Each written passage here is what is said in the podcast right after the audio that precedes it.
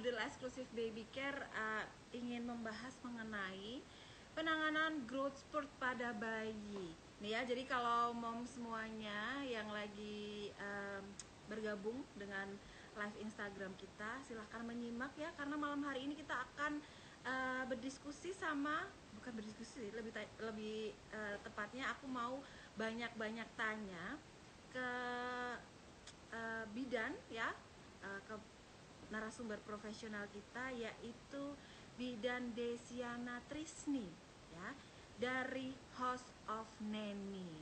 Dan malam hari ini aku mau uh, join ya, join kan dulu dulu uh, Bidan Desi dari House of Neni. Ini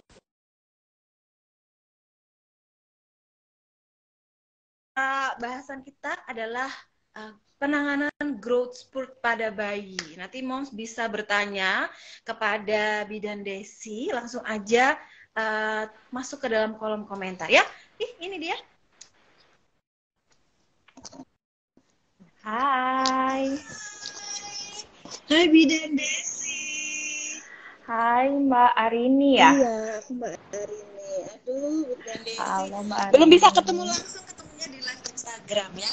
Iya loh, kapan-kapan aku main ke Solo ya. nah, asalnya uh, perkenalan dulu dong di Desi. Kan aku udah tahu namanya, tapi pengen uh, apa namanya lebih tahu mengenai host hostnya itu. Oke, sebelumnya ini suaraku jelas nggak Mbak? Cukup jelas, cukup jelas ya. Oke.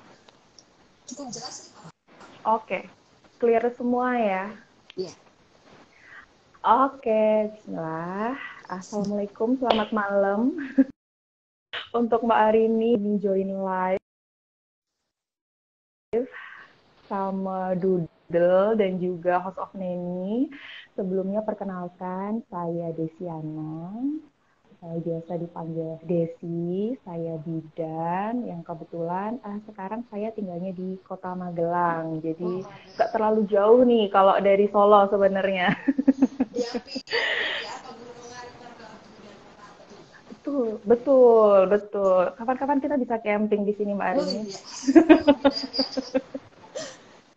ya, Kemudian di sini saya sebagai owner dan juga uh, praktisi, terapis, uh, mom and baby care, House of Neni di Kota Magelang yang uh, melayani pijat dan terapi untuk tumbuh kembang bayi dan balita dan juga uh, perawatan uh, ibu dari hamil sampai pasca melahirkan seperti itu Mbak Arini.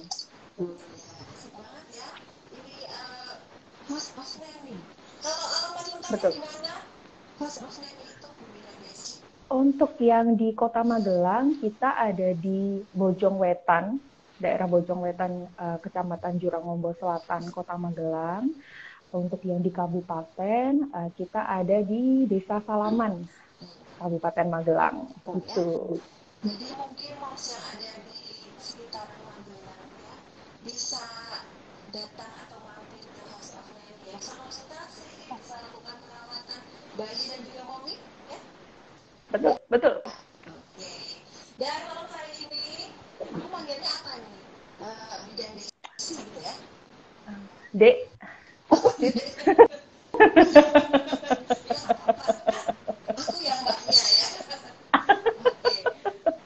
silahkan apa aja mbak Arif boleh oh maaf aku kurang keras ya Ah, agak uh, jauh oh, suaranya, okay. tapi masih kedengeran. Oke.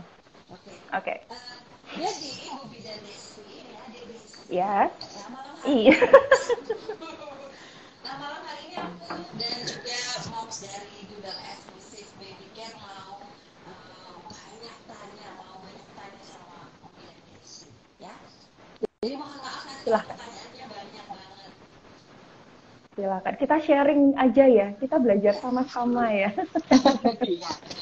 nah yes. ini uh, tema kita adalah mengenai penanganan growth spurt pada bayi Tuh, ya? ya jadi nanti kalau ada yang mau bertanya uh, moms bisa langsung masuk ke kolom komentar ya tapi kita aku duluan yang tanya ya aku mau langsung silahkan ke Bidan Desi uh, boleh uh, Bidan Desi mengenai growth spurt jadi sebenarnya terlalu paham apa itu growth spurt. Sebenarnya apa okay. sih itu? Dan apakah ya. bayi mengalaminya? Ya, jadi sebenarnya kayak growth spurt ini sendiri ini kayak jadi istilah baru ya di ibu-ibu zaman sekarang. Kalau dulu mungkin belum ada istilahnya untuk growth spurt, tapi untuk tanda-tandanya sebenarnya sudah ada dari lampau gitu. Kalau kita bahasakan secara bahasa Indonesia gampangnya, jadi sebenarnya untuk growth spurt sendiri ini adalah, ah, maaf jelas nggak? Kedengaran jelas nggak? Tunggu dulu. Oke. Okay. Oke, okay, mohon maaf ya, mohon maaf suaranya agak nggak kedengeran tadi, Bu Bidan. Oke. Okay. Nah, sekarang sudah apa -apa. Sudah, sudah, sudah. Oke, okay, sudah. Oke, okay. sip. Jadi aku ulang lagi ya. Mbak Arini, sebenarnya kayak growth spurt ini tuh istilah baru lah mm. yang baru kita kenal masa-masa sekarang. Tapi untuk tanda dan gejalanya ini sebenarnya sudah ada dari masa-masa lampau. Dari dulu tuh ada, cuman namanya aja yang kita nggak nggak um, ngeh ternyata ada namanya gitu. Jadi untuk pengertiannya sendiri kalau kita bahasakan dalam bahasa Indonesia itu adalah lonjakan pertumbuhan atau percepatan pertumbuhan pada bayi dan anak yang berjalan maksimal dalam waktu yang uh, relatif singkat atau cepat. Kalau ditanya uh, apa ini uh, biasa di anak-anak uh, normal atau enggak, apakah semua bayi akan mengalami? Ya, semua anak atau bayi pasti akan uh, mengalami fase growth spurt ini. Uh, karena ini adalah lonjakan uh, pertumbuhan. Jadi yang namanya tumbuh ini kan berhubungan dengan fisik ya. Jadi tumbuh ini ini berkaitan dengan uh, uh, peningkatan atau penambahan dari tinggi badan, berat badan, lingkar kepala. Jadi semua anak pasti akan uh, mengalami fase ini, baik dia yang mau bayi ASI maupun yang anak support itu semuanya semua bayi pasti akan mengalami fase-fase itu hmm. gitu. Tuh, jadi semua bayi mengalami fase ini. Nah, pasti kalau, akan mengalami. Kalau aku sendiri tuh waktu aku anak aku tuh sekarang sudah umur tiga tahun. Uh, Oke. Okay. Desi. Dan waktu dulu ketika apa masih bayi, itu aku sebenarnya nggak terlalu ngeh ya. Jadi anak aku tuh fase growth spurtnya itu aku nggak sama sekali nggak paham gitu. Nah sebenarnya tanda-tanda dari growth spurt itu sendiri tuh kayak gimana sih?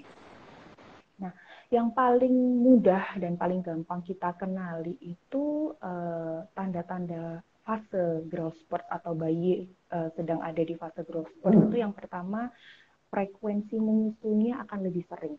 Jadi oh. Misalnya yang tadinya dia uh, frekuensinya 7 sampai 8 kali nih sehari. Ini bisa naik 2 sampai 3 kali dalam sehari bisa 14 kali sampai 16 kali.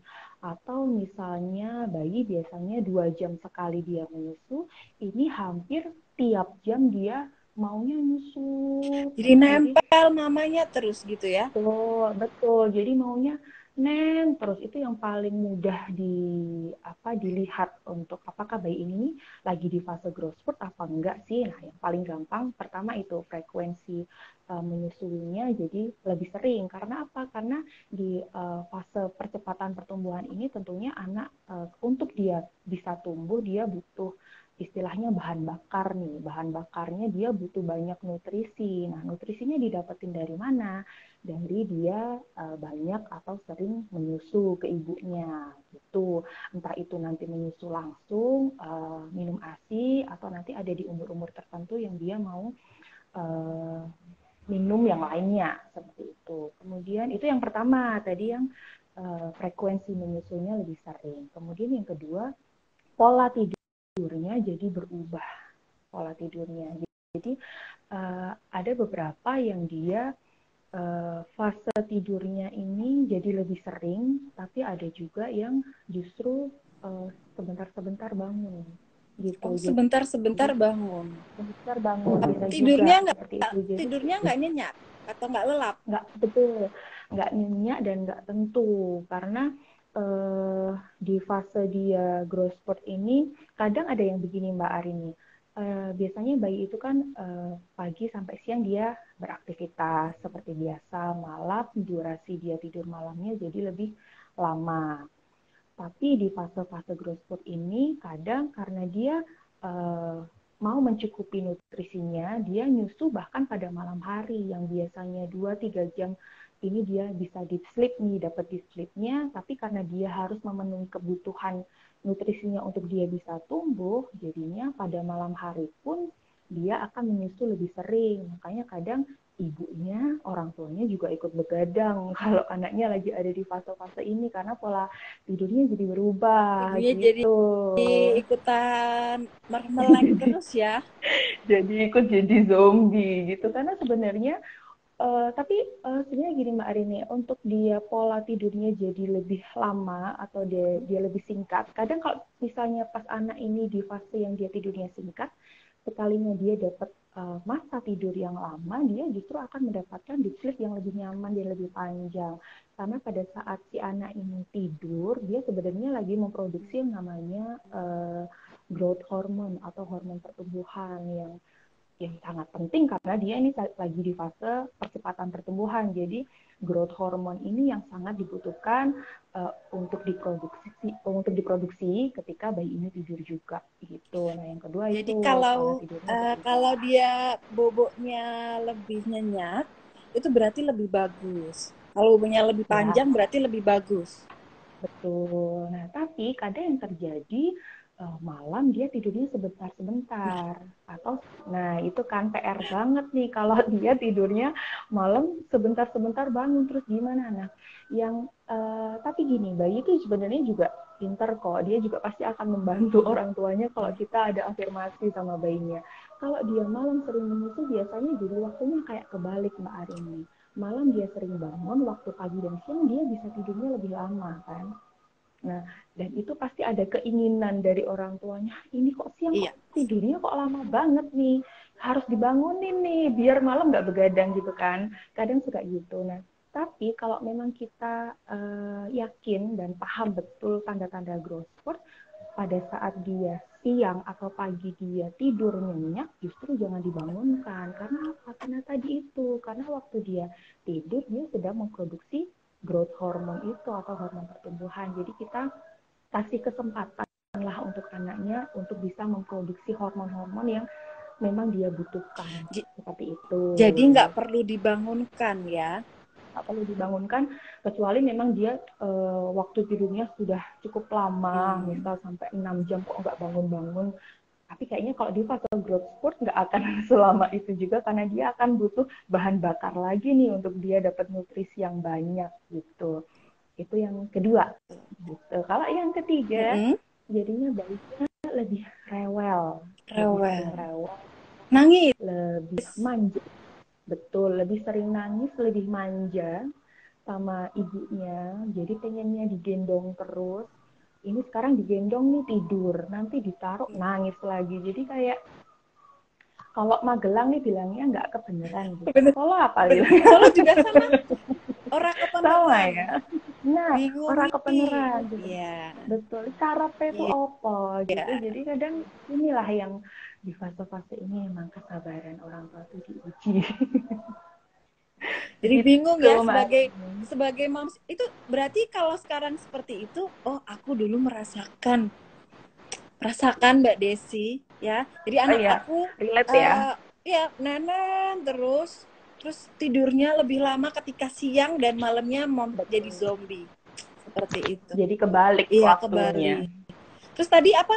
Uh, uh, re lebih rewel. Lebih, Betul. Lebih rewel. Itu karena apa Biasanya sih kok kok rewel? Jadi gini, pada saat uh, dia dia di fase growth spurt ini sebenarnya ada uh, si otot dan si tendonnya bayi itu lagi meregang, oh. lagi meregang untuk dia uh, menambah menambah entah dia menambah berat badan, menambah tinggi badan ataupun lingkar kepalanya. Jadi ada peregangan di otot dan uh, tendonnya dia untuk dia bisa tumbuh. Makanya biasanya dia lebih rewel. Kemudian yang kedua karena dia lebih sering menyusu, kadang jadi si anak ini uh, lebih gampang kembung. Oh. gitu.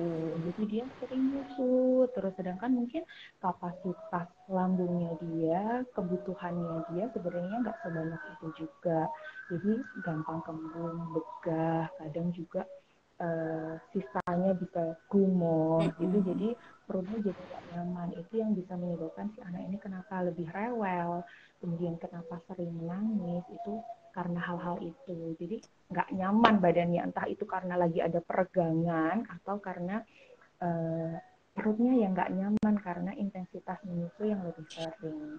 Mungkin kalau orang dewasa tuh ngerasainnya badannya pegel-pegel gitu mungkin ya, mungkin. Iya, betul. Lah kan kalau misalnya kita malam tidurnya cuma sebentar ya. gitu kan pasti juga capek. nggak enak, kembung iya. gitu. Capek jadinya mungkin ya. Jadi uh, mamsnya mungkin yang mengalami growth spurt itu sendiri bayinya juga mengalami rasa capek mungkin. Bisakah betul. seperti itu? Betul, nah, Mbak Arin. Kalau growth spurt itu sendiri, uh, Bibi dan Desi, kira-kira berapa lama sih uh, apa namanya waktunya, kurun waktunya? Apakah sampai dia besar?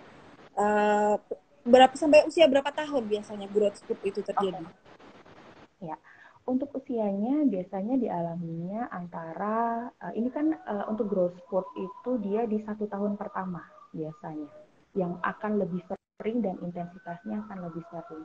Itu antara usia 2 sampai 4 minggu, kemudian 6 sampai 8 minggu, eh, selanjutnya 3 bulan, 6 bulan, 9 bulan begitu. Untuk durasinya biasanya 2 sampai 3 hari itu sudah selesai fase itu karena tadi pengertiannya sendiri fase growth itu percepatan pertumbuhan yang maksimal tapi fasenya singkat. Jadi cuma sebentar cepat banget 2 sampai 3 hari atau maksimal bisa sampai satu minggu. Kenapa kok 2 sampai 4 uh, eh, minggu kemudian 6 sampai 8 bulan? Kita bisa lihat mungkin ibu-ibu yang punya KMS yeah. dan buku pink itu bisa dilihat itu di uh, berat badan minimal itu yang paling mudah dilihat berat badan minimal. Itu satu bulan pertama itu kenaikannya minimal 800 gram. Kemudian dua bulan itu kenaikannya 900 gram. Yang masuk ke bulan ketiga dia 800 gram lagi. Jadi kadang makanya kenapa bayi lahir nih 3 kilo. Tiba-tiba pas uh, umur satu bulan tiba-tiba udah empat setengah kilo cepet banget gitu kan. Ada cuma nenek aja ya? Hmm, kok cepet banget? Karena dia mengalami dalam tiga bulan pertama dia mengalami beberapa fase growth spurt itu. Gitu mbak Arini. Gitu ya. Uh, apakah kira-kira growth spurt itu kalau misal tadi kan cuma dua dua hari selesai gitu. Kalau misalkan lebih dari mungkin nggak lebih dari dua hari itu terjadi gitu? Gejala-gejala itu. Bisa dua sampai tiga hari bahkan sampai satu minggu. Tapi memang uh, kita perlu paham betul nih uh, tanda gejala growth spurt itu seperti apa jangan sampai ini jadi keterusan karena kita nah. harus dalam beberapa waktu ini kan kita pasti sudah bisa um, kenal ya ritmenya ritme menyusunya gimana terus pola tidurnya seperti apa tentu kita sudah kalau orang tua udah lebih ini ya udah lebih pintar untuk uh, mengatasi hal-hal itu jangan sampai ini keterusan sampai berminggu-minggu. Itu itu bisa jadi salah satu peringatan. Jadi kita harus uh, waspada juga kalau terlalu lama. Nah, karena growth spurt itu singkat. Ya. Nah itu kalau misalkan lebih dari uh, kurun waktu normalnya itu apakah berbahaya? Oke. Okay. Uh, kalau lebih dari kurun waktu yang normal disertai dengan tanda-tanda yang lainnya, misalnya tanda-tanda yang lainnya itu apa? Dia minumnya banyak terus muntah. Kadang kan cuma gumoh yeah. nih. Tapi ini muntahnya bisa berkali-kali dalam sehari bisa berhari-hari juga. Uh, sampai si anaknya lemes kemudian justru nggak mau menyusu itu pasti saling berkesinambungan lah. Jadi itu yang perlu kita kita uh, jadikan peringatan lah. Jadi nggak cuma durasinya aja yang berapa lama, tapi juga kita lihat nih tanda-tanda yang lainnya, ada tanda-tanda yang membahayakan atau enggak. Misalnya uh, kayak gini, uh, growth spurt itu kan percepatan pertumbuhan, harusnya beratnya naik, harusnya panjang badannya naik. Nah ini kok malah turun, semakin lama dia fase growth spurtnya semakin panjang, setelah kita timbang, kita cek tumbuh kembangnya kok malah beratnya turun, nah itu bisa jadi salah satu uh, peringatan juga dan itu memang harus segera kita konsultasikan ke dokter. Oh ya. Jadi ber, berbahaya apabila muncul-muncul muncul tanda-tanda yang uh, istilahnya nggak ini ya kayak pertumbuhan berat badannya harusnya naik dia nggak naik, panjang badannya nggak naik dia nggak naik harus segera dikonsulkan ke dokter. Betul. Nah, tetapi sebenarnya growth spurt itu sendiri berarti penting banget ya untuk bayi, untuk anak. Sangat penting karena uh, outcome-nya, jadi outcome-nya hasilnya apa sih sebenarnya kalau anak di fase growth spurt itu tentu aja uh, pertumbuhannya dia akan lebih maksimal. Sedangkan untuk pertumbuhan ini sendiri berjalan beriringan dengan perkembangan. Kalau perkembangan itu secara mental, secara motorik dan lain sebagainya. Jadi uh, sebenarnya kalau si anak ini sedang tumbuh, anak ini sedang rewel karena growth spurt, uh, mindsetnya kita sebagai orang tua harus dirubah. Anak ini rewel ini karena dia mau tumbuh nih, mau pinter nih. Itu yang harus kita rubah. Ini dia lagi di fase di mana dia butuh perhatian khusus, kita harus kasih nutrisi yang banyak, kasih perhatian, kasih kedekatan yang maksimal antara ibu dan bayinya biar dia bisa bertumbuh dan berkembang sesuai dengan usianya. Gitu. Sangat penting. Soalnya kalau ada orang dulu tuh bilangnya uh, kalau bayi rewel mungkin kena sawan gitu ya kadang kadang seperti itu ya, ya kan kalau kalau nggak kalau kita nggak terlalu paham jadinya seperti itu. Soalnya dulu aku pernah gitu oh itu karena kena sawan. Bilangnya seperti ya. itu. Jadi ternyata bisa jadi masuk ke dalam gejala growth spurt ya. Betul karena itu uh, pasti pasti dialami. Ya, masa semua anak bayi terus kena sawan gitu kan Enggak juga nah tadi jadi cara menenangkan uh, bayi supaya nggak rewelnya itu uh, maksimal gitu ya. Karena pasti kalau growth spurt ada rewelnya. Jadi meminimalisir uh, rewelnya itu harus ngapain sih? Oke, yang pertama stok sabarnya harus ditambah. Stok sabar mamanya ya. Betul.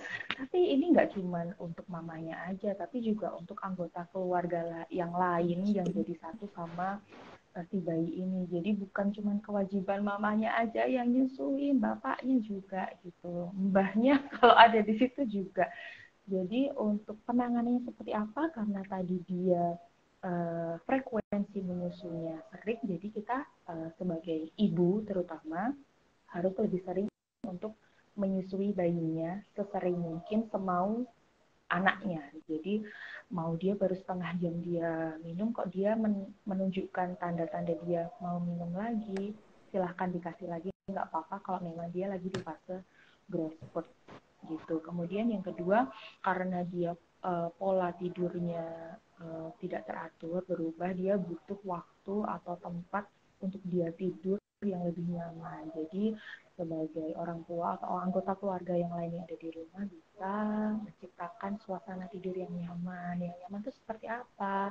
Uh, lampunya diredupkan, kemudian dijauhkan dari distraksi yang lain, misalnya suara-suara yang mengganggu, gitu juga uh, hmm. berpengaruh gitu. Jadi uh, atau misalnya Hmm, suhu, suhu juga pengaruh juga Mbak Arini. Jadi kalau misalnya anaknya terlalu gerah, kepanasan, hmm. betul, atau kedinginan, otomatis dia mau tidur juga nyaman. Jadi biar dia, walaupun dia rewel nih, rewel karena nggak bisa tidur, tapi sekalinya dia tidur, dia dapat uh, suasana yang nyaman untuk tidur. Jadi walaupun dia tidurnya cuma sebentar, hormon pertumbuhannya akan keluar secara maksimal.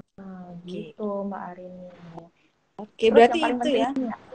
Support system aku perlu ingetin lagi deh. Betul. Nah, support system betul sekali Mbak Arini. Jadi emang kolaborasi keluarga itu penting karena ibunya nanti harus nyusuin, sering nyusuin semalaman, harus bisa gantian. Bukan gantian nyusuin ya. Bergantian menemani. Betul. Atau misalnya membantu pekerjaan rumah. Kalau misalnya yang yang aslinya setuju ya kalau setuju banget. mungkin Bu Bidan mungkin ini untuk ya. paps yang uh, papa-papa yang menonton live uh, malam ini tuh biar bisa ini apa namanya oh kalau anak aku gitu ya. sport berarti aku harus mendukung istriku dengan memberikan asupan-asupan kasih sayang gitu ya. Betul sekali. Memberikan makanan-makanan yang enak-enak betul. Dan juga belayan kasih sayang itu penting. Iya. Iya betul sekali mbak Erini karena uh, jadi gini kadang itu uh, walaupun si anak ini asi ya, hmm. kalau memang dia uh, ibunya bisa uh, memerah misalnya. Kan uh, bapaknya atau yes. neneknya bisa membantu kasih uh, asinya dengan cara lain. Misalnya dengan cup feeder atau pakai pet misalnya. Jadi kita kasih kesempatan untuk ibunya juga istirahat setelah begadang semalaman suntuk, anaknya maunya nempel sama mamahnya, ibunya jadi kurang tidur, jadi kita bisa bergantian. Jadi kerjasama antar anggota keluarga juga penting banget. Terus bener tuh tadi uh, ibunya harus dikasih asupan gizi makanan yang enak betul karena harus menaikkan mood mood ibunya jadi biar lebih tenang dan lebih enjoy Nut menikmati fase nutrisinya growth. juga jadi lebih tercukupi nanti anaknya Betul. juga asinya juga lebih maksimal Betul. lebih kuat nutrisinya Betul, kualitas dan kuantitas ASI juga akan jauh lebih maksimal kalau didukung dengan nutrisi yang bagus juga. Gitu. Nah, eh ini ada yang bertanya. Ada okay. yang bertanya ini Bu Desi. Silakan. Nih, Bu, untuk membedakan tangisan lapar dengan tangis, tangisan growth spurt itu bagaimana caranya? Bedanya tangis karena kelaparan dan growth spurt. Nah, growth spurt itu tadi kan tandanya salah satunya dia sering lapar.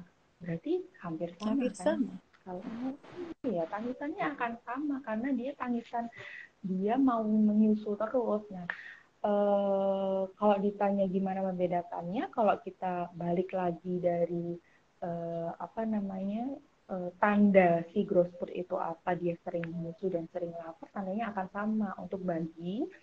Dia kadang kalau waktu menangis dia akan genggam, tangannya menggenggam tanda dia lapar. Atau misalnya kita dekatkan jari-jari kita nih di sekitar mulutnya, dia akan mengikuti mengikuti gerakan jari kita. Gitu juga bisa jadi tandanya. Oh, jadi menggenggam ya tandanya Tanda kalau lapar. lapar. Tapi growth spurt pun itu kan growth spurt pun itu sendiri juga karena lapar. Ya karena lapar sebenarnya. Lapar. dia cepat jadi waktu dia di fase growth spurt itu dia uh, bayi ini akan cepat capek dan cepat lapar. Itu yang paling gampang di kenali tandanya. Oke, ini, ini ada yang bertanya lagi kalau tidur lama itu okay. apa juga growth spurt? Ya, tidur lama diikuti dengan tanda-tanda yang lain nggak? Ada tanda gejala yang lain nggak yang mengikuti tadi termasuk frekuensi musuh yang sering, uh, apa namanya bayinya sering rewel nggak nggak jelas kemudian ada penambahan pertumbuhan yang signifikan atau enggak. Kalau tidurnya lama dan enggak ada tanda gejala yang, yang lain kita harus justru lebih uh, aware lagi karena uh, kita jadi gini mbak. Kalau anaknya ini tidur lama tapi kita nggak lihat uh, apakah dia minumnya cukup atau enggak kan malah kasihan. Bisa Apalagi jadi lemas anak -anak ya tidur lama karena lemas Betul, takutnya malah ternyata dehidrasi bisa aja gitu. Jadi itu kita memang beda beda-beda tipis ya untuk membedakan apa namanya masalah-masalah uh, di bayi ini kita memang kita harus lebih banyak yeah. belajar gitu. Iya makanya waktu dulu anak aku kecil tuh aku tidak terlalu paham. Jadi uh, dengar apa itu growth spurt tapi membedakan uh, ini masuk dalam fase growth spurt atau enggak itu agak bingung jujur ya. Ya. Dan ini jadi lebih agak oh oke okay, berarti besok kalau punya anak kedua jadi harusnya lebih paham. Nah iya, uh, amin. Bu Bidan Desi kalau misalkan iya. uh, menenangkan balik lagi mengenai menenangkan uh, bayi ketika growth spurt kira-kira pijat bayi itu bisa bikin uh, lebih tenang nggak sih? Sangat bisa. karena di fase growth spurt ini tadi uh, butuh kedekatan juga kan dari orang tuanya skin to skin itu juga perlu penting juga. Jadi pijat bayi bisa sangat membantu terutama karena gini waktu dia tadi waktu dia sering menyusu uh, dia akan lebih mudah untuk kembung pijatan untuk kembung mungkin akan membantu dia perutnya lebih nyaman. Kemudian karena ada peregangan di otot dan tendonnya, pijatan-pijatan di badan, di punggung, tangan kaki akan lebih membuat si anak ini lebih enak badannya nggak sakit gitu karena dia gampang capek itu tadi. Ada Bu Aiza katanya kalau bayinya dipijat orang lain malah nangis dipijit sendiri aja bu boleh hmm. ya makanya boleh ya, orang tua emangnya belum hmm. pandemi jet berarti harus belajar ya iya yes. oke nanti aku ajarin mau diajarin sekarang nah itu tadi ngomong-ngomong mengenai ini kan uh, hmm. belum pinter mijitnya nah kira-kira yes. teknik pijat yang bisa dikerjakan di rumah itu untuk menenangkan growth spurt itu teknik yang kayak gimana Bu Bidan? Kalau yang sering mantengin uh, akunnya Doodle nih pasti udah pada tahu karena Doodle udah sering banget nih kasih tips-tips gimana caranya pijat kembung, kemudian biar bayi uh, menyusunya jadi lebih banyak itu sudah banyak nih. Tapi kali ini aku mau kasih kasih tahu juga gerakan yang simple. Ini aku ditemenin Amanda Maaf ya, Amanda. Ya, Hai Amanda. Hai Tante. jadi yang paling mudah, jadi untuk anak ini pijat di rumah yang bisa dilakukan uh, oleh orang tua, ini bisa dikerjakan uh, setelah dia mandi atau sebelum dia tidur. Jadi bisa on, uh, dilakukan ibunya, papahnya, atau siapa pun yang ada di rumah. Kemudian gerakannya seperti apa? Nah, kalau untuk di daerah perut, kelihatan ya di daerah ya. perut. Nah, di daerah perut kita bisa pijat ILU. Sudah sering ini di doodle kasih tips untuk cara pijat ILU. Nah, yang paling mudah pijat ILU itu kita mulai dari perut sebelah kiri bayi dari atas ke bawah. Ini membentuk huruf I, kemudian dari perut kanan bayi ke perut kiri bayi membentuk huruf L terbalik. Kemudian dari perut kanan bawah ke atas mengarah ke perut kiri bayi membentuk huruf U. Kita pijit L. Ini untuk bayi yang usianya di bawah uh, satu bulan. Untuk pengulangannya memang tidak perlu terlalu banyak karena takutnya nanti malah jadi overstimulasi. Kemudian tekanannya juga tidak perlu ditekan yang terlalu kencang gitu. Se seperti mengusap saja, tapi kalau ini dilakukan berulang-ulang pasti akan ada efeknya juga ke bayi. Itu yang pertama untuk uh, gerakan ILU. Kemudian yang kedua bisa juga kita uh, pijat ke arah dengan jarum jam. Jadi di bagian perut ke di perutnya searah jarum jam Uh, kemudian uh, dengan kalau kalau aku begini, jadi seperti mengayuh. Jadi uh, apa namanya kelingking kita ada di bagian bawah. Jadi begini. Nah, ini bergantian, bergantian tangan kanan dan kiri kita seperti mengayuh di perut bayinya. Itu yang paling simple bisa dikerjain di rumah. Kemudian untuk uh, bagian punggungnya, karena pasti anak ini karena tidurnya nggak enak, ya ada rasa nggak nyaman di area punggungnya kita bisa usap usapnya di mana nah ini yang perlu diingat tulang belakang bayi tulang belakang bayi ini nggak boleh ditekan terlalu uh, kencang jadi di mana sih sebenarnya yang bisa kita kasih pijatan? Gampangnya ini misal ini di tengah ada tulang bayinya nih, tulang belakang. Dua jari kanan, dua jari kiri. Jadi bukan pas di tengah-tengah tulang belakangnya kita kasih jeda dua jari, baru kita usap dari bawah, dari atas pinggang, mengarah ke atas, kemudian ke arah bahu, turun lagi. Atau misalnya uh, dia di uh, posisi tengkurap, bisa kita uh, bareng kanan dan kiri. Gitu Mbak Arini.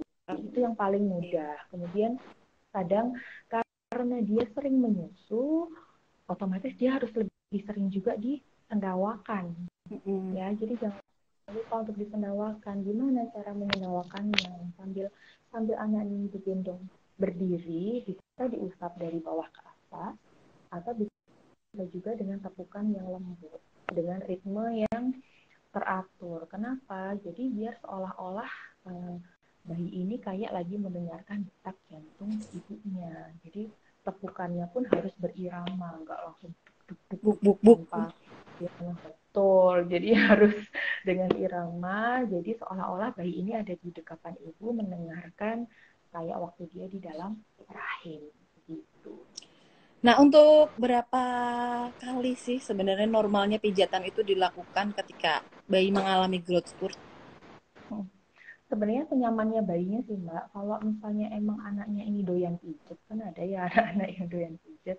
Dan ternyata setelah pijet uh, anak ini jauh lebih tenang jauh lebih nyaman silahkan bisa diulang senyamannya, semaunya saja. Cuma dalam satu durasi waktu pijat itu tadi untuk anak yang di bawah 30 hari tidak lebih dari 15 kali pengulangan dari satu gerakan. Kalau untuk yang eh, di atas 30 hari bisa 50 kali pengulangan pun nggak apa-apa, nggak masalah dari. Oke. Okay. Nah, kalau pijat itu dilakukan setiap hari, itu apakah boleh? Boleh. Boleh. Boleh, boleh. Boleh yang dilakukan oleh orang tua kan? Iya. Sangat boleh. Sangat boleh. Justru itu uh, dari skin to skin itu yang nanti bisa menciptakan bonding antara orang tua dan bayinya terutama di fase growth spurt jadi sambil sambil kita pijit sambil kita kasih tahu nggak apa-apa nak rewel dulu mau tumbuh ya mau tambah pintar ya. Jadi kita kasih afirmasi kata-kata yang sambil ini berarti ya diajak ngobrol disayang-sayang. Jadi Betul, jadi anak tuh paham gitu ya. Betul. meskipun masih kecil. anak, anak juga merasa oh ternyata kalau aku lagi rewel kayak gini orang tua aku tetap ada kok mereka tetap tetap menyayangi anak itu nggak usah kalau dia udah lahir dari dalam rahim aja dia sudah pinter dan bisa diajak komunikasi hmm. jadi itu yang paling penting lah hmm. komunikasi itu ya. oke okay.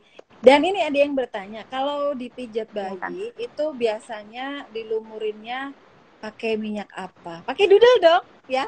iya dong. pakai doodle eksklusif telan oil. Aduh, terima kasih Bidan. Betul. Ya. House of Nanny uh, sekarang sudah pakai doodle untuk terapi pijatnya. Tuh ya yang di daerah Magelang penasaran pijat bayi menggunakan doodle eksklusif bisa mampir ke House of Nanny. Silakan. Betul sekali ini tadi uh, tadi kan ngomong ngomongin mas, mengenai dehidrasi ya. Uh, kira-kira ciri dehidrasi pada bayi itu seperti apa sih? Yang paling mudah ya, dia yang tadinya sering mau nyusu jadi males untuk menyusu bahkan nggak mau sama sekali. Itu bukan karena tanda dia kenyang? Uh, beda mbak. Nah, terus ada tanda yang lain, ada cekungan di area mata, terus bayinya lemes, lemes hampir yang dia nggak punya tenaga lagi bahkan untuk kita angkat tangannya aja langsung lunglai lagi. Kita angkat lunglai lagi beda dengan bayi yang kenyang masih ada tenaga di badannya. Kemudian untuk yang masih kadang kan sini masih ada di ubun-ubunnya masih gerak nih dut dut dut gitu ubun-ubun kan sini. nah kalau betul untuk uh, bayi yang dehidrasi biasanya akan lebih cekung lagi akan ada lebih lembek atau lebih lembek? cekung Oh cekung. Lembek dan cekung. Lebih dalam berarti. Betul, cekungannya akan lebih dalam. Oke. Okay. Gitu ya. Nah, anakku bibirnya sering kering itu kenapa ya, Moms? Oke, okay. anaknya usia berapa? Anaknya bibirnya kering. Apakah Minumnya itu salah satu tanda dehidrasi? Nah, minumnya cukup atau enggak, durasi minumnya, frekuensinya sering atau enggak. Kemudian uh, pipisnya, nah yang paling penting nih, pipisnya juga harus kita lihat nih, income-nya banyak, kalau outcome outcome-nya enggak ada misalnya. Hmm. Nah, larinya ke mana gitu. Jadi uh, kita juga bisa lihat dehidrasi itu dari uh, frekuensi uh, buang air kecilnya.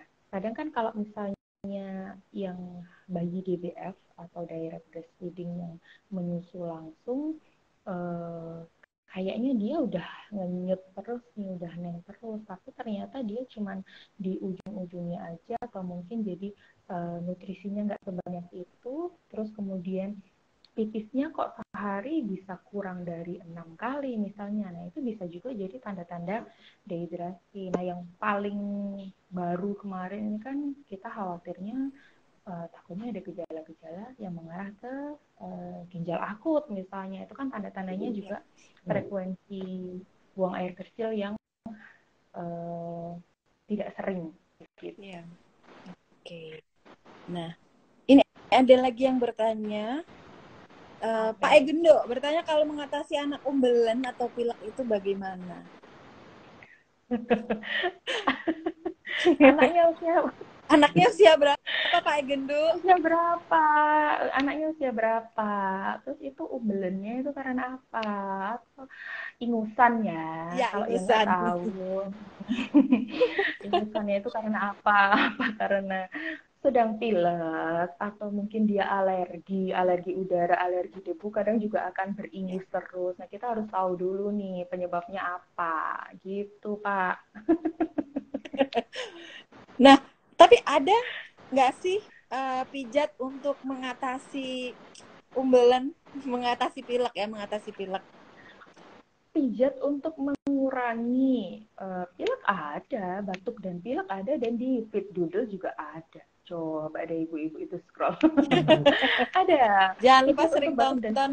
ini ya tonton videonya Doodle. Hmm, itu bermanfaat sekali dan memang itu yang kita yang saya terutama saya dan tim lakukan di di di tempat uh, terapi kita pijat batuk pilek itu ada gimana caranya untuk melegakan pernafasan pijat di area uh, hidung misalnya atau di ujung uh, mata dan ujung alis kemudian uh, uh, tepukan di dada dan punggung untuk mengencarkan, membantu mengencarkan lendir itu ada. Oke, okay. mungkin uh, ada yang ingin bertanya, mom semuanya silakan masuk ke kolom komentar. Nggak usah takut ya, karena bidan Desi ini baik banget. Amin. Malam hari ini menyempatkan waktunya untuk kita tanyai banyak-banyak. kita belajar sama-sama ya Mbak Arini. Nah, uh, mengenai growth spurt tadi lagi ya, uh, balik ya. lagi.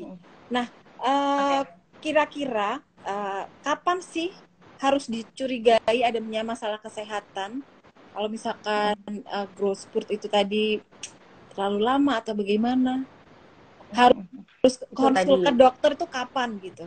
Kapan? Ya. Kapan harus pergi ke ke dokter gitu ya? Yang pertama durasinya atau waktunya uh, memanjang. Jadi uh, berhari-hari dan lama. Tuh. Kemudian yang kedua itu berat badan bayinya tadi, berat badan badan bayinya yang harusnya naik karena dia sering menyusu kok ini malah turun. Itu juga kita harus waspada.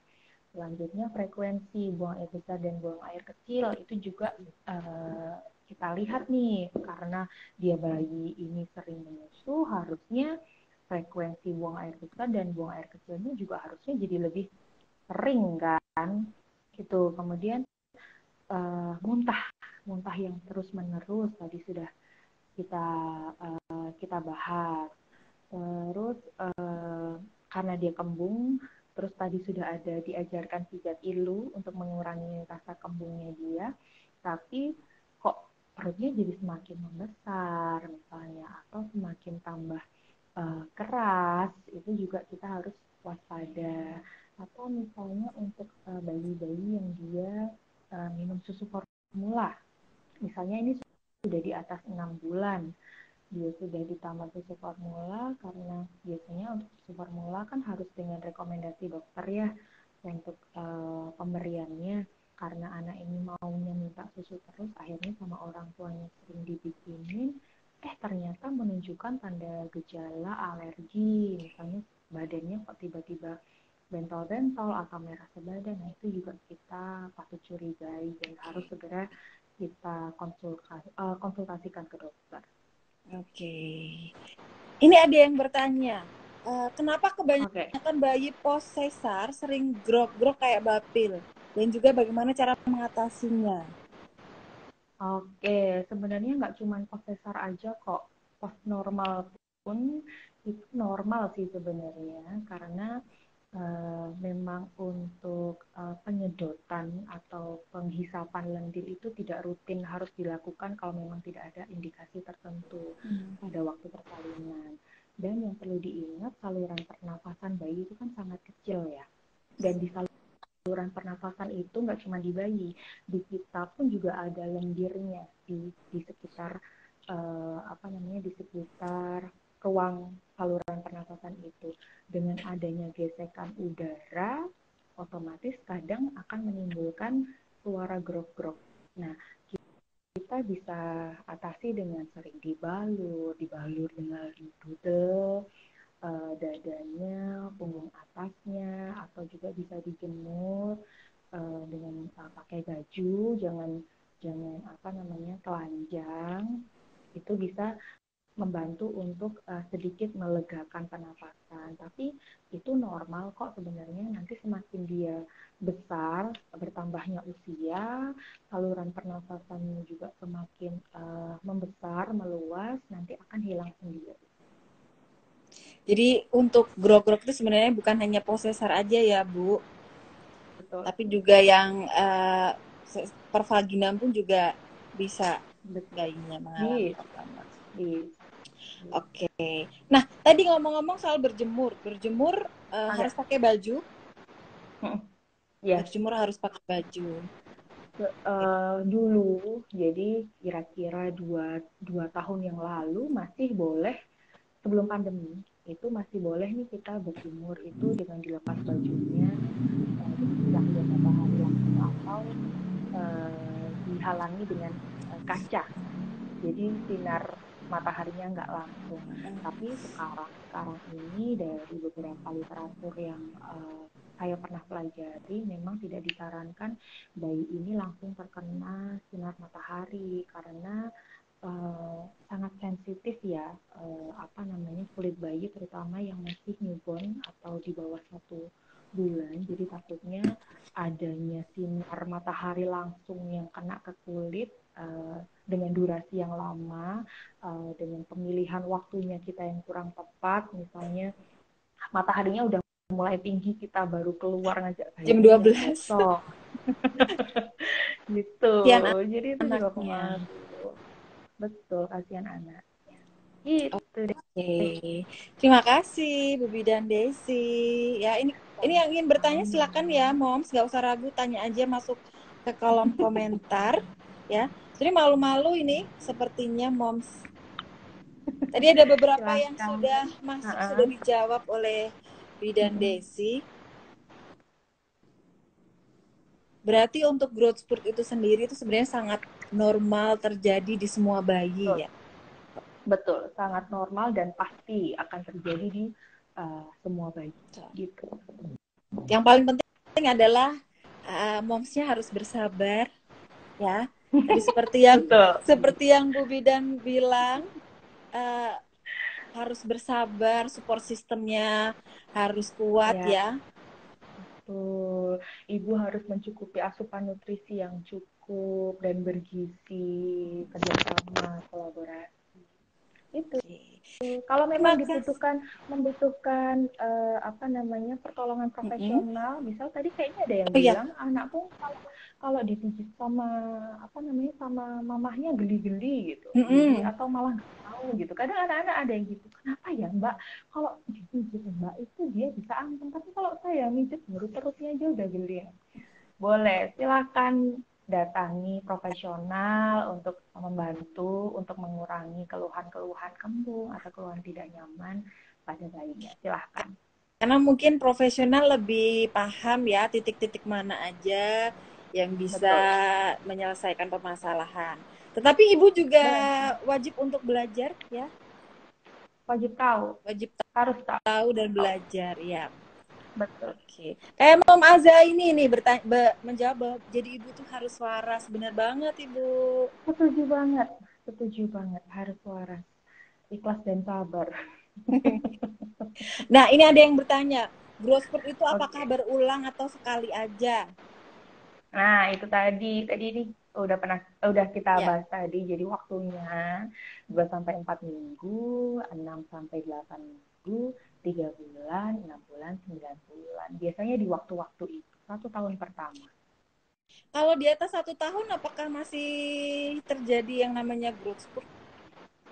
Ada beberapa, tapi uh, sudah jarang karena dia uh, kebutuhan nutrisinya sudah ditambah dengan yang lainnya kan.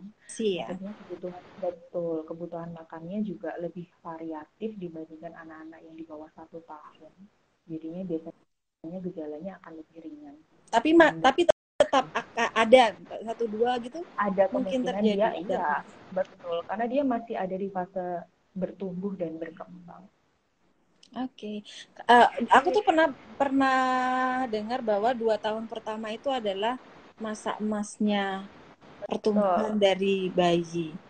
Berarti mungkin masih masih dalam waktu growth spurt itu tadi ya dua tahun itu mungkin. Dua tahun pertama betul. Cuman yang memang uh, waktunya pasti dan akan berulang itu satu tahun pertama. Okay. Kalau untuk golden age-nya sampai dua tahun untuk kita bisa pantau terus nih tumbuh kembangnya yang uh, harus lebih uh, intens lagi untuk kita memantau pertumbuhannya untuk kita mengurangi angka kejadian stunting. Stunting. Oke. Okay. Betul. Aduh, aku tuh kalau stunting tuh agak takut karena kebetulan anak aku apa uh, MPASI-nya dulu tuh agak susah bu agak banyak drama ya iya agak banyak drama jadi lumayan lumayan khawatir. Nah ya deh mom Aza ini anak aku satu tahun sering tantrum. Wajar sih ya kalau tantrum tuh. Mungkin ini nanti bisa kita bahas lagi mbak. Ada yang namanya Wonder Week kan? Wonder? Ada kan? Wonder Week. Wonder Week. Oh aku baru baru baru sekali ini aku dengar Wonder Week. Taunya Wonder nah, Woman. Jadi... Mbak Arini nih Wonder Woman. Jadi ada juga yang namanya Wonder Week Mbak. Mbak siapa tadi namanya? Jadi, uh, antara Wonder Week ya, yang antara Wonder Week dan Growth Spurt ini memang kadang ada sedikit kemiripan. Ada sedikit sedikit kemiripan. Kalau di Wonder Week ini biasanya lebih ke uh, perkembangan dia secara mental mungkin kalau satu tahun kenapa anaknya jadi sering tantrum karena uh, anak ini sedang ada di fase wonder week misalnya bisa juga. Jadi dia sudah paham konsep jarak. Jarak itu yang gimana? Jadi dia yang tadinya deket sama ibunya lihat ibunya jauh dikit aja udah rewel karena dia ngerasa nggak safety nggak nyaman kalau nggak deket sama ibunya. Ibunya kamar mandi rewel. Jadi apa apa serba ini bisa jadi. Itu ada di fase wonder bisa kita bahas lain kali lagi. Oke, okay, yang ingin bertanya bisa masuk aja ke kolom komentar ya. Ini malu-malu ini moms yang yang bergabung malam hari ini. Lagi hujan ya di ini ya tadi banyak yang bilang. Ya, uh, baru hujan. Jadi mungkin sinyalnya agak susah. Ini ada yang bilang katanya yang mijitin itu ayahnya atau bapaknya malahan yang mijitin si kecil. Aduh hebat hmm. banget ya. Pokoknya untuk iya. pijit itu bisa dilakukan siapa aja ya, Bu Bidan? Boleh dilakukan siapa pun, nggak cuma ibunya, nggak cuma papahnya, semua anggota yang di anggota keluarga di rumah boleh banget. Tapi lebih akan lebih maksimal lagi kalau ayah atau ibunya yang mengerjakan. Jadi bondingnya lebih dapat. Bondingnya. Jadi yang berkewajiban untuk belajar melakukan pijit itu bukan hanya momsnya, tapi juga papsnya. Iya. Iya, mana nih bapak-bapak suaranya? kan ini ya supaya moms asinya lancar bisa lakukan apa itu Bu Bidan? Pijat oksitosin. Oh iya. Bapaknya itu. tuh yang berkewajiban. Siapa lagi yang mijitin oksitosin? Ibu itu oksitosinnya akan meningkat kalau ada sentuhan dari suaminya kan? Akan lebih berlipat-lipat. Sangat setuju sekali Bu Bidan karena pastinya kalau momsnya happy, anaknya juga bisa lebih maksimal ya merawatnya. Betul, Betul sekali. Setuju. Ini masih adakah yang ingin bertanya mengenai penanganan growth spurt pada bayi? Silahkan bertanya loh, mumpung ada Bu dan Desi. Ini hampir semuanya relate ya. Iya. sudah sudah pernah mengalami fase-fase ini. Uh, relate dan antara satu masalah dan masalah yang lain tuh apa namanya ya? Saling nyambung. Saling nyambung. Nah, tam jadi tantrum. Tantrum itu juga bisa menjadi salah satu apa namanya ciri dari growth spurt nggak sih?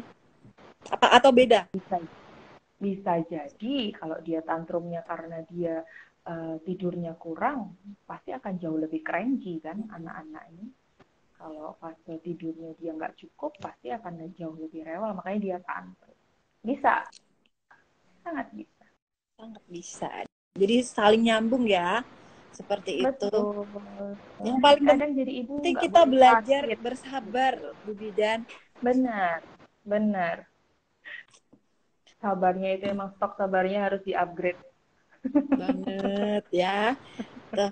Udah sudah jam jam mulai jam 8? Oke, nggak kerasa ya. Tidak terasa ternyata. Ya? Berapa menit ini kita tadi? Satu jam, benar? ya? Satu oh, satu jam, ya? jam ternyata. Satu jam pas, Bu Bidan Desi. Alhamdulillah. Alhamdulillah. Semoga uh, cukup membantu dan bisa mudah dipahami. Sangat sangat membantu sekali dan sangat mudah dipahami sekali. Terima kasih Bu Bidan Desi. Sama-sama Mbak Arini. Terima kasih waktunya. Mungkin lain kali kita bisa ngobrol-ngobrol lagi ya, Bu Bidan Desi. Boleh dong.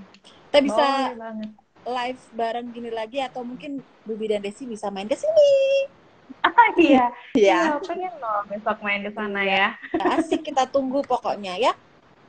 Oke. Okay. Oke, okay. malam hari ini uh, terima kasih untuk Bubi dan Desi, terima kasih untuk moms yang sudah bergabung di live kita. Semoga next kita bisa live lagi ya. Aku akhiri Amin. untuk live malam hari ini Bu Bidan. Mungkin ada iya, kata-kata yang ingin diucapkan untuk terakhir di sesi ini, Bu Bidan? Closing statement ya. Iya. Ya.